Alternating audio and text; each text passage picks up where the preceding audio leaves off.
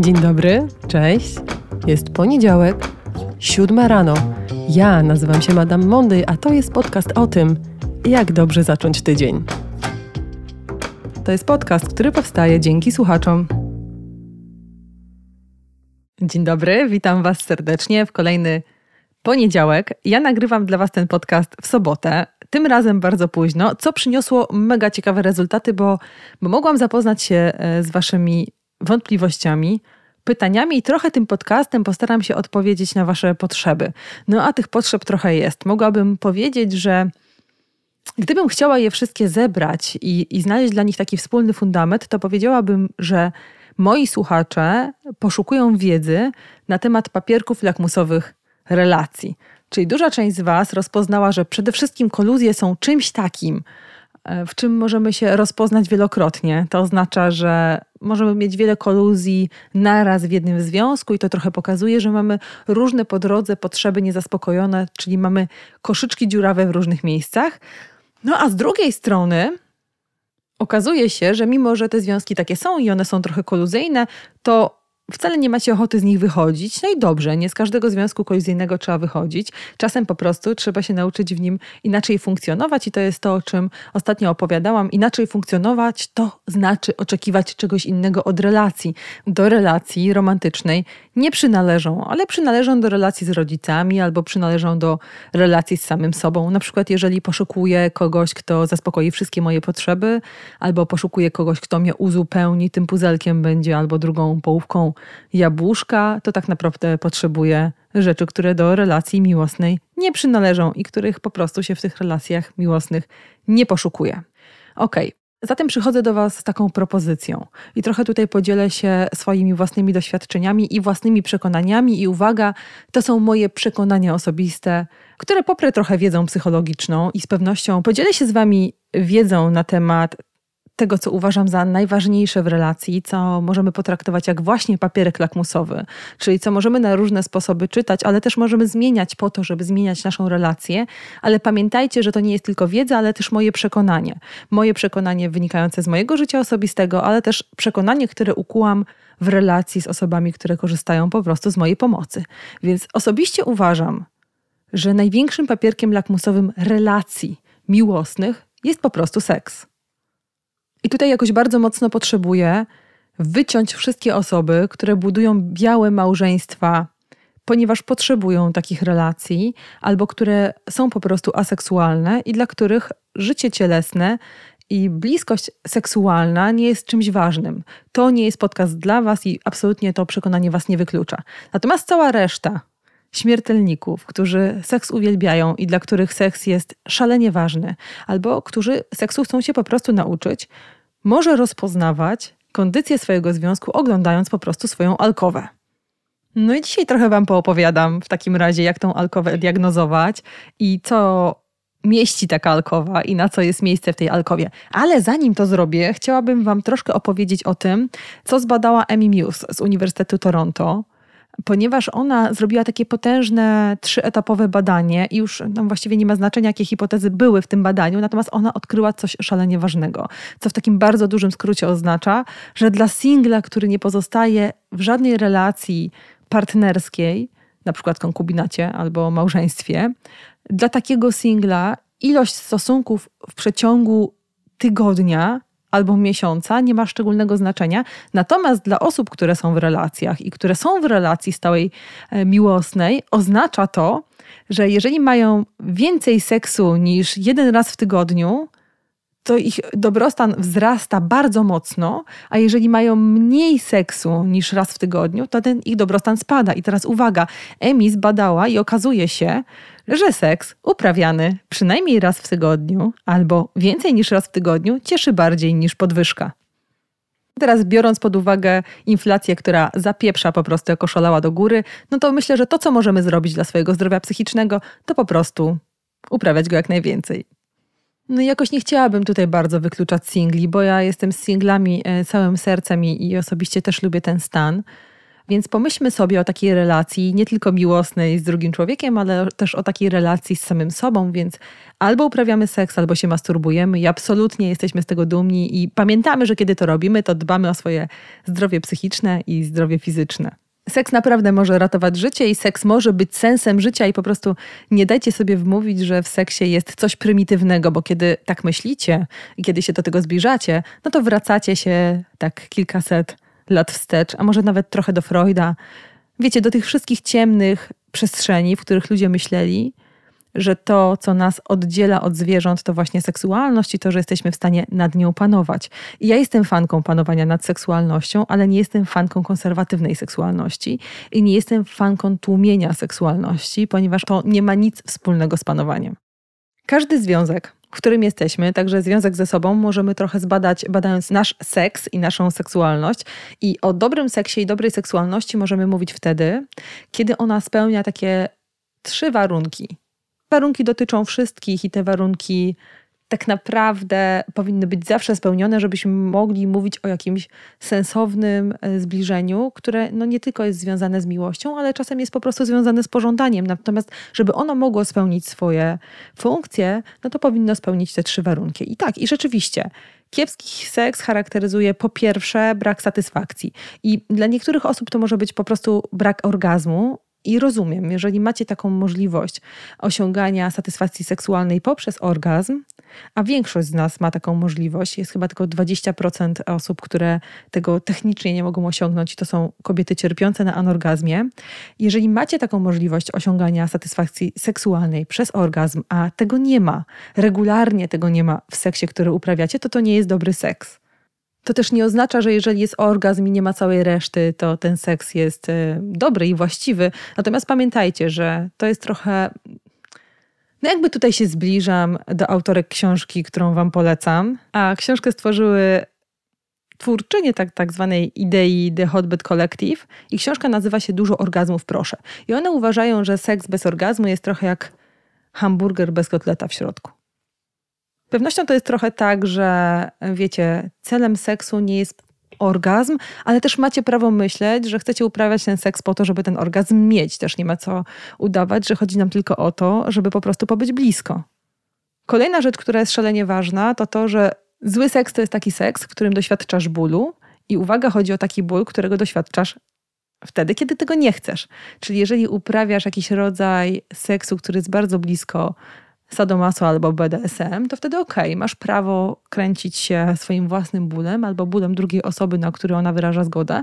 Natomiast wtedy, kiedy doświadczasz po prostu bólu w trakcie stosunku, to nie jest to dobry seks.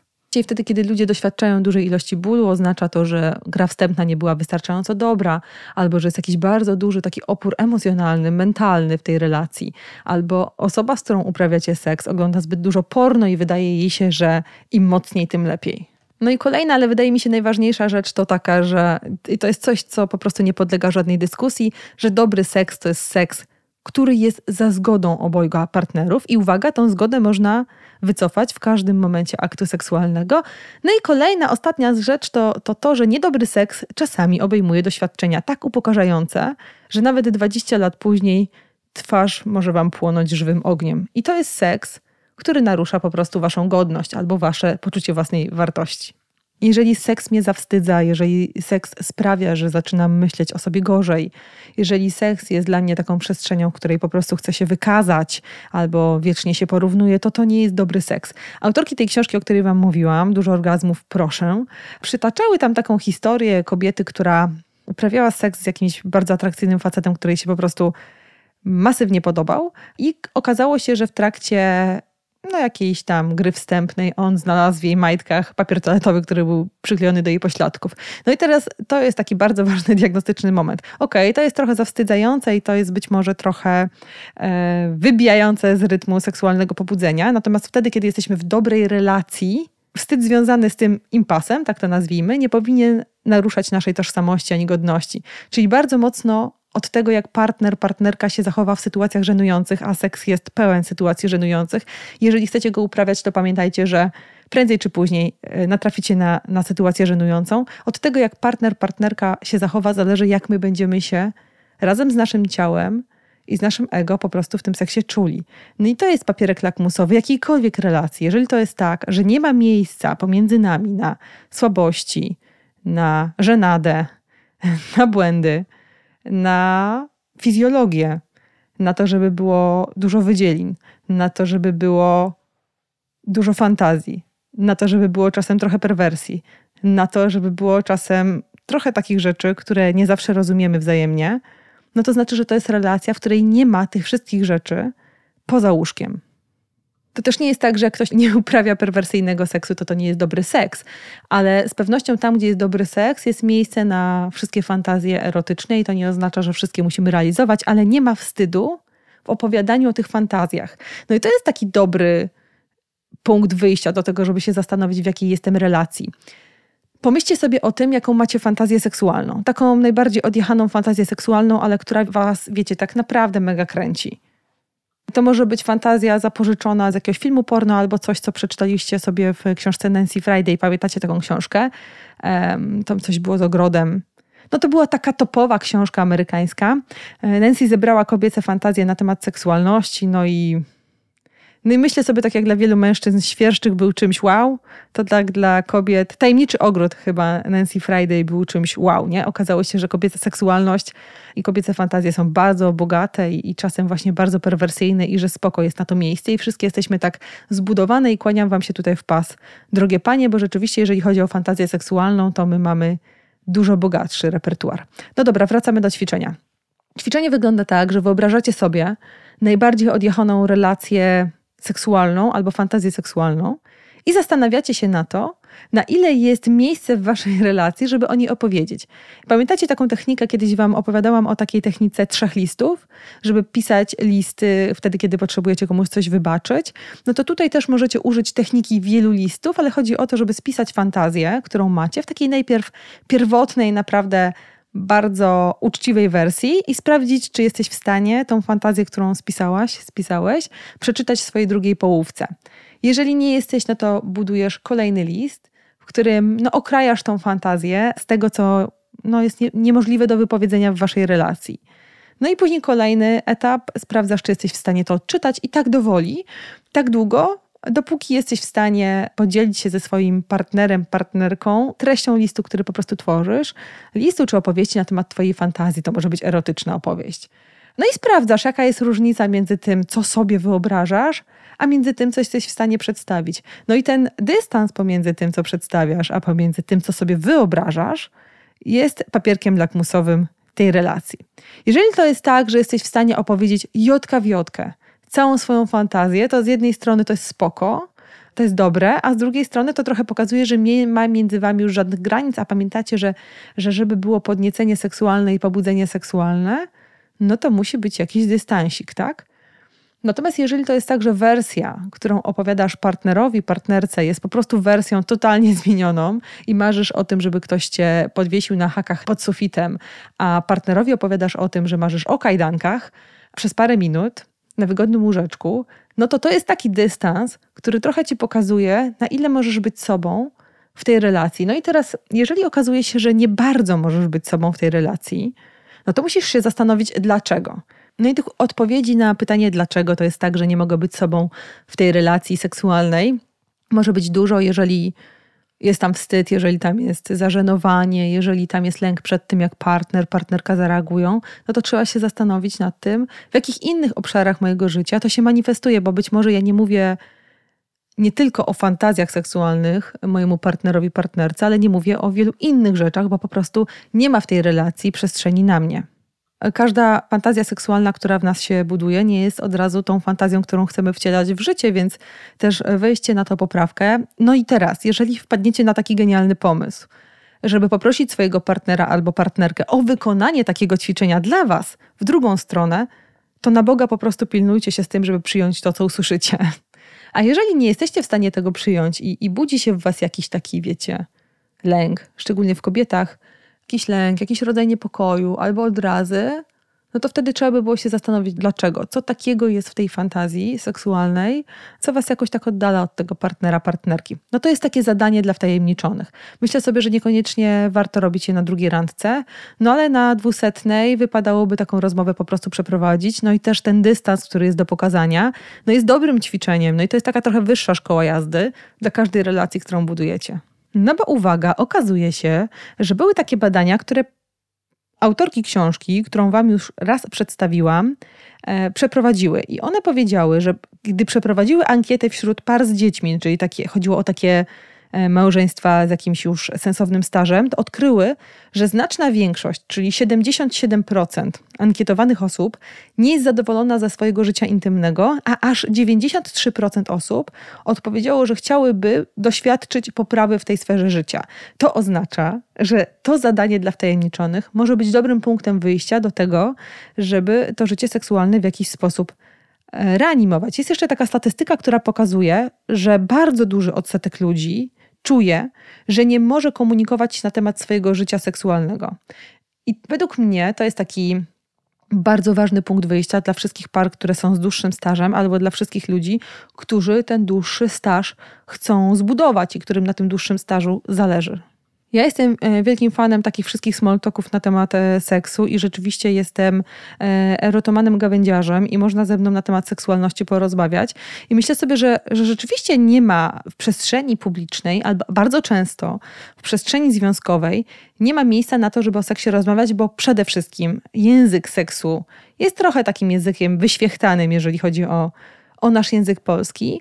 A po drugie, bardzo mocno żyjemy jeszcze w takim tabu dotyczącym tego, że no chociażby grzeczne dziewczynki o seksie nie rozmawiają.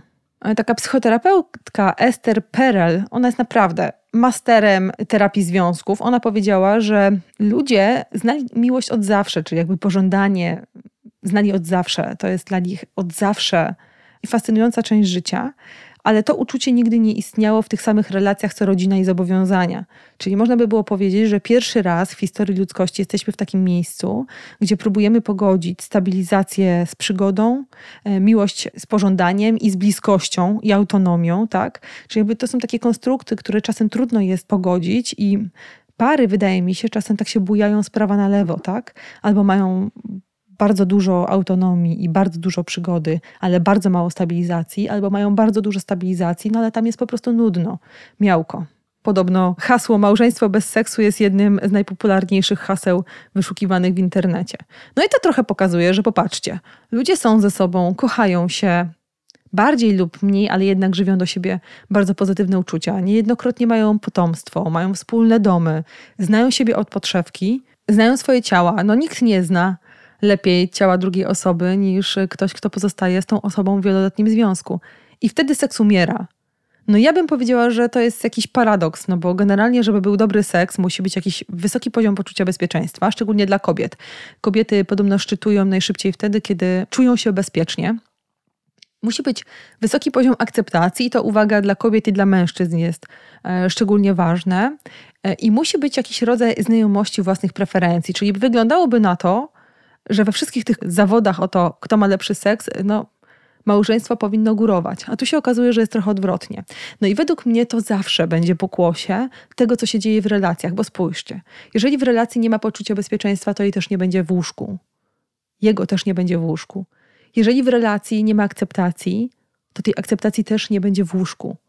Jeżeli nie ma znajomości własnych preferencji wzajemnych, to tego też nie ma w łóżku. Jeżeli para przestaje uprawiać ze sobą seks, to znaczy, że para przestaje być blisko, przestaje się akceptować i przestaje się znać. Seks czasami dla par jest też takim narzędziem do tego, żeby zdobywać władzę, no bo wiecie, seks jest władzą. I najczęściej jest tak, że jak się chrzani w relacjach, to ludzie po prostu z tym seksem zaczynają zarządzać w taki sposób, żeby tą władzę zdobyć. No i tu się zaczynają wszystkie zabawy z reglamentacją seksu, z bólem głowy, bólem palca. E, tu się zaczynają wszystkie historie związane z skracaniem gry wstępnej. A już takim chyba najbardziej typowym w seksualności aspektem jest e, taki aspekt, w którym ludzie zaczynają wzajemnie udawać przed sobą, że siebie nie pragną, albo że siebie wzajemnie nie podniecają. I to jest jakiś rodzaj wymierzania kary. No oczywiście wszystkie te narzędzia sprawiają, że seks staje się kompletnie nieatrakcyjny, no i trochę staje się takim odbiciem pola bitwy. Wiecie, no nie mogę ci przesolić zupy i generalnie wyprać muszę ci twoje skarpetki, a ty musisz e, zarobić na moje waciki, ale jak tam mija północ, tak, i śpimy we wspólnym łóżku, to wtedy mogę zrobić ci różne rzeczy pod przykrywką różnych bardzo brzydkich historii i na to naprawdę musimy uważać. W ogóle warto zacząć od tego, jak wygląda nasze wspólne łóżko. Ja myślę sobie, że pary, które mają przestrzeń taką sypialnianą, o którą dbają, to są pary, które mają bardzo dobry seks. I słuchajcie, nie chodzi o wykrochmaloną poduszkę, absolutnie. I nie chodzi o te poduszeczki ułożone na powierzchni łóżka i nie chodzi o to, żeby było sterylnie, chodzi o to, jaką aurę ma wasza sypialnia. Jak sobie spojrzycie na to, jaką aurę ma wasza sypialnia, to będziecie wiedzieli, jaką aurę ma wasz seks. I myślę sobie, że to ma znaczenie. No dobra, na co trzeba uważać? Co się między ludźmi rozgrywa w łóżku? Jeżeli nie ma między nimi wystarczającej bliskości do dobrego seksu, jeżeli nie ma dla ni między nimi wystarczającej akceptacji do tego, aby ten seks był bliski i nie ma gotowości do dzielenia się swoimi preferencjami. Najczęściej to się dzieje wtedy, kiedy ludzi preferencje się rozmijają, albo ludzie mają fantazję o tym, że ich preferencje się rozmijają pracując z ludźmi, zorientowałam się, że często to jest tak, że. Bo, bo, większość z nas ma jakieś parafilie, wiecie o tym. Czyli mamy jakieś takie swoje małe fetysze albo kawałki dewiacyjne i są rzeczy, które nas kręcą. Jeżeli jesteście fanami pornografii, no to z pewnością macie swoje historie zwarunkowane mm, takie pornograficzne, które was kręcą. No i, i, najczęściej współczesny człowiek ma jakiegoś takiego krasza z jakimś doświadczeniem i jak słucham ludzi w gabinecie, to wydaje mi się, że oni się szalenie tego wstydzą. To znaczy, gdzieś tam uznaliśmy, że może nas e, podniecać tylko to, co jest misjonarskie, albo to, co służy do reprodukcji, natomiast cała reszta fantazji erotycznych jest jakimś zbędnym luksusem. I to jest często powód do wstydu, i myślę sobie, że często wśród kobiet, więc pary najczęściej nie mają szansy na to, żeby poznać te swoje wzajemne fantazje, no bo to jest w jakimś takim obszarze cienia, powiedziałby Jung. I myślę, że taka dojrzałość relacyjna polega na tym, żeby sobie o tym po prostu porozmawiać. No, dobrym punktem wyjścia, nie chcę ludzi namawiać do pornografii, ale to jest dobry punkt wyjścia do tego, żeby trochę oswoić się z obrazkami, których być może najczęściej w łóżku nie widujemy, a które możemy zobaczyć i o których możemy sobie porozmawiać, jeżeli na razie tylko na to jesteśmy gotowi. Kolejnym obszarem, takim naprawdę mega problemowym, jest to, że ludzie nie chcą siebie wzajemnie urazić w tych sprawach, więc kobiety najczęściej udają, jeżeli mają nieudane życie seksualne i to jest pułapka, bo jeżeli udają, no to będą udawać całe życie. No bo trudno jest, nie? Po 10 latach nagle powiedzieć, wiesz co, no przez ostatnie 10 lat to ja jednak nie, ma, nie miałam tych orgazmów pochwowych. Nie? Jednak wolę e, e, stymulację oralną i, i, generalnie fajnie by było, żebyśmy to zmienili, bo 10 lat e, rżnęłam głupa, nie? To jest raczej mało prawdopodobne. I tak samo ze strony mężczyzn, tak? Oni też bardzo często nie chcą urazić swoich partnerek i raczej w męskim towarzystwie mówią o tym, że przeszkadza im na przykład mała aktywność ich partnerek, natomiast swojej kobiecie, czy swojej partnerce, nie lubię tego określenia, swojej kobiecie, tego po prostu nie mówią. Badania pokazują, że najlepiej w tych sprawach dogadują się pary homoseksualne i że tu jest największa otwartość na dzielenie się swoimi e, preferencjami i swoimi e, dewiacjami. Oswoimy trochę to słowo musicie pamiętać o tym, że przemilczenie różnych spraw nie oznacza, że one znikają. E, no i co więcej, najczęściej problem się wtedy pogłębia. Więc jeżeli w kwestii seksu milczycie, no to kolejny raz należy zadać sobie pytanie, dlaczego milczę? Albo dlaczego nie chcę słuchać po drugiej stronie, albo co bym zrobiła, gdybym usłyszała. Jest kilka takich gier erotycznych, które Wam polecam. Nie chcę wymieniać tutaj ich nazw, natomiast wejdźcie sobie na, na, na Google i wpiszcie sobie gry erotyczne, które po, pomagają poznać partnera, partnerkę i jego preferencje, i to jest chyba dobry punkt wyjścia do tego, żeby zbudować trochę bardziej otwartą relację. No bo wiecie, nie ma seksu bez rozmowy. Kiedy pytaliście mnie o to, czy komunikacja jest papierkiem lakmusowym relacji, to pomyślałam sobie, że jasne, że tak. Jak chcesz sprawdzić, jaka jest Twoja komunikacja, to pomyśl sobie o tym, jak komunikujesz się na temat łóżka. Najbardziej intymnej, indywidualnej części Twojego życia, która bardzo często przez kod kulturowy będzie zawstydzana, no i w języku, który jest mało łaskawy dla seksualności. Więc jeżeli nauczycie się mówić o seksie, to będziecie w stanie rozmawiać po prostu o wszystkim. Takie jest moje zdanie osobiste. Ja myślę sobie, że tak też rzeczywiście jest. I obserwuję to u ludzi, z którymi pracuję, że jak zaczynają otwarcie o tym seksie mówić i jak uczą się języka seksu i jak spada z nich ta pruderyjna osłonka, jakaś taka woalka średniowiecza, to wtedy nagle okazuje że się, że świat jest dużo bardziej ciekawy i że seks może być fascynujący. Mam takie wrażenie, że wiecie, seksem się fascynują nastolatki, nastolatkowie, im to wybaczamy, nie? To jest normalne, to jest młody, młody facet, młoda, młoda dziewczyna, młody chłopak, oni myślą tylko o jednym, a później jakoś tak nam nie wypada, nie? No bo są ważniejsze rzeczy. No bo, bo jest praca, bo są dzieci, bo jest dom, bo są obowiązki. To jest takie groteskowe, tak? Jeżeli 40-latka fascynuje się seksem, choć rycząca 40 to jest bardzo dobry materiał na to, żeby się interesować e, seksem. Ja myślę sobie, że koło 40 po prostu wraca nam rozum i zaczynamy przypominać sobie to, że nasze ciała zostały stworzone do tego, żeby przeżywać po prostu przyjemność. Mimo, że faza namiętnej miłości mija e, bardzo szybko, no to pojawia się faza, w której możemy trochę popracować nad przekraczaniem różnych granic i nad uczeniem się tej swojej wzajemnej seksualności. Więc tutaj z pewnością takim dobrym sygnałem, który pokazuje, że coś tam się takiego w tej parze dzieje, będą oddzielne sypialnie, tak? Będzie taki moment, w którym para nie sypia ze sobą, albo taki moment, w którym on zasypia przed telewizją, a ona zasypia z dziećmi w pokoju. No i teraz sprawdzamy, jak długo to trwa i komu to służy, bo najczęściej e, koło czwartego, piątego, szóstego, siódmego roku życia nie służy to już nikomu, służy tylko pogłębianiu tego dystansu między ludźmi. Łóżko to jest fascynująca przestrzeń, ale musicie pamiętać, że łóżko to jest też przestrzeń, w której wychodzą wszystkie nasze lęki, w której na światło dzienne wychodzą wszystkie nasze kompleksy. Jeżeli rzeczywiście mam do swojego ciała stosunek mega negatywny i masturbacja moja polega na używaniu jednego palca i dotykaniu tylko jednej części mojego ciała, albo w przypadku mężczyzn zamykania oczu, odwracania głowy, no to wtedy muszę się zastanowić nad tym, jaką ja mam też relację ze swoim ciałem, no bo ja myślę sobie, że nie ma dobrego seksu bez dobrego treningu masturbacyjnego, którego można się po prostu nauczyć. I jeżeli ja mam jakiś negatywny stosunek do swojego własnego ciała, albo wydaje mi się, że pożądanie w wykonaniu kobiety jest czymś, czego należałoby się wstydzić, no to wtedy nie ma szansy na dobry seks. I myślę sobie, że też tutaj temu warto się przyjrzeć. Podobno jednym z najważniejszych aspektów, który sprawia, że ludzie się po prostu ze sobą rozchodzą, e, jest brak dobrego seksu. Mamy tam problemy finansowe albo niezgodność charakteru, ale najczęściej to jest tak, że ludzie są po prostu znużeni i niezadowoleni ze swojego życia seksualnego.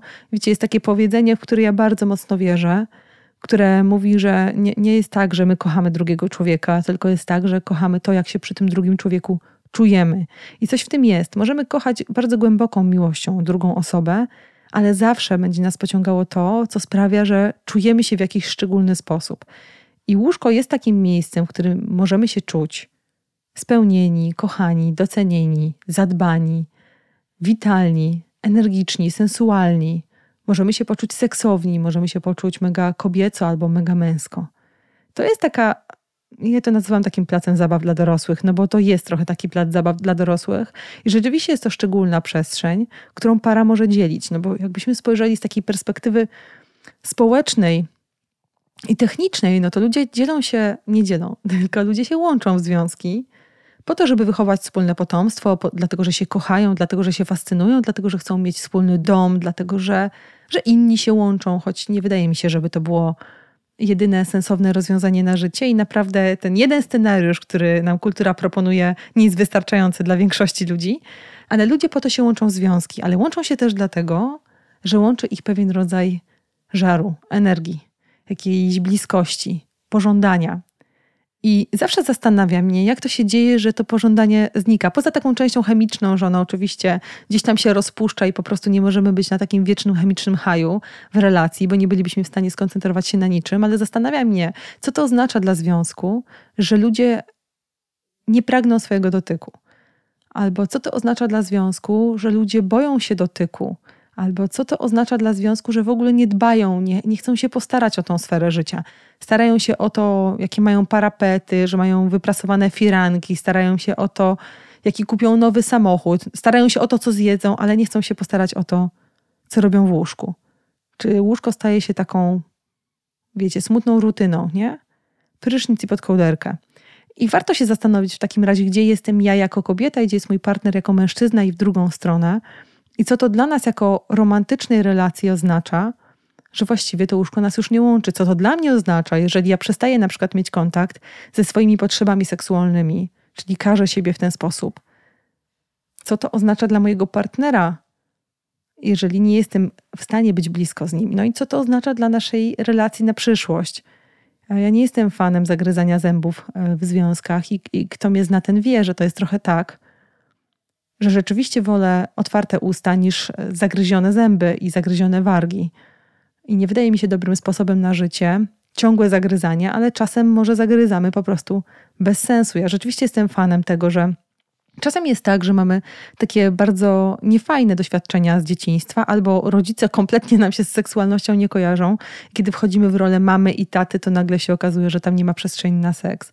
A czasem jest tak, że próbujemy sobie coś odbić, albo po prostu nie umiemy, bo po prostu sami nie znosimy swojego własnego ciała, albo nie jesteśmy w stanie przeżywać przyjemności. Więc jeżeli ja nie jestem w stanie przeżywać przyjemności i bliskości w łóżku, no to czy ja jestem w stanie przeżywać przyjemność i bliskość poza tym łóżkiem?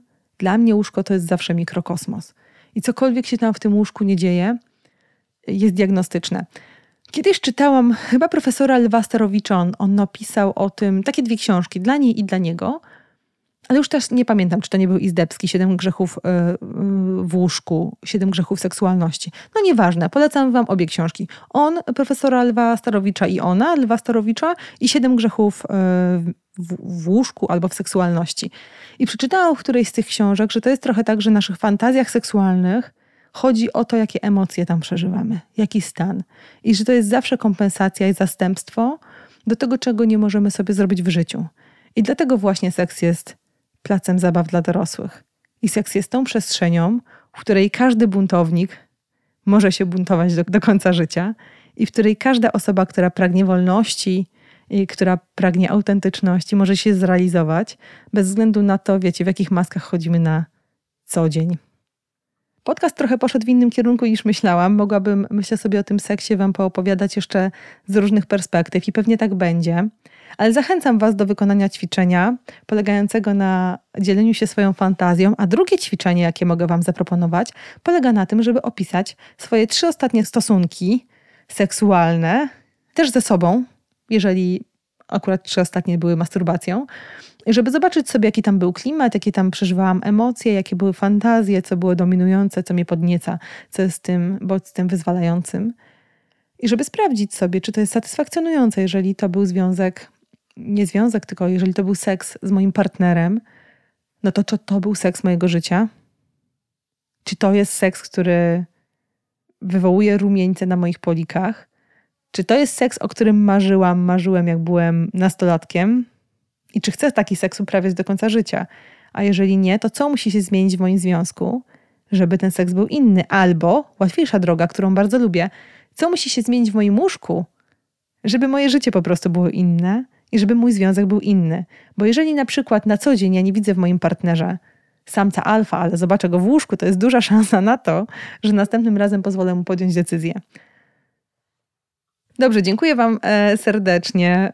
Mam nadzieję, że jakoś Wam się przyda moja dzisiejsza refleksja i, i moje wątpliwości e, i pytania, którymi się z Wami dzieliłam.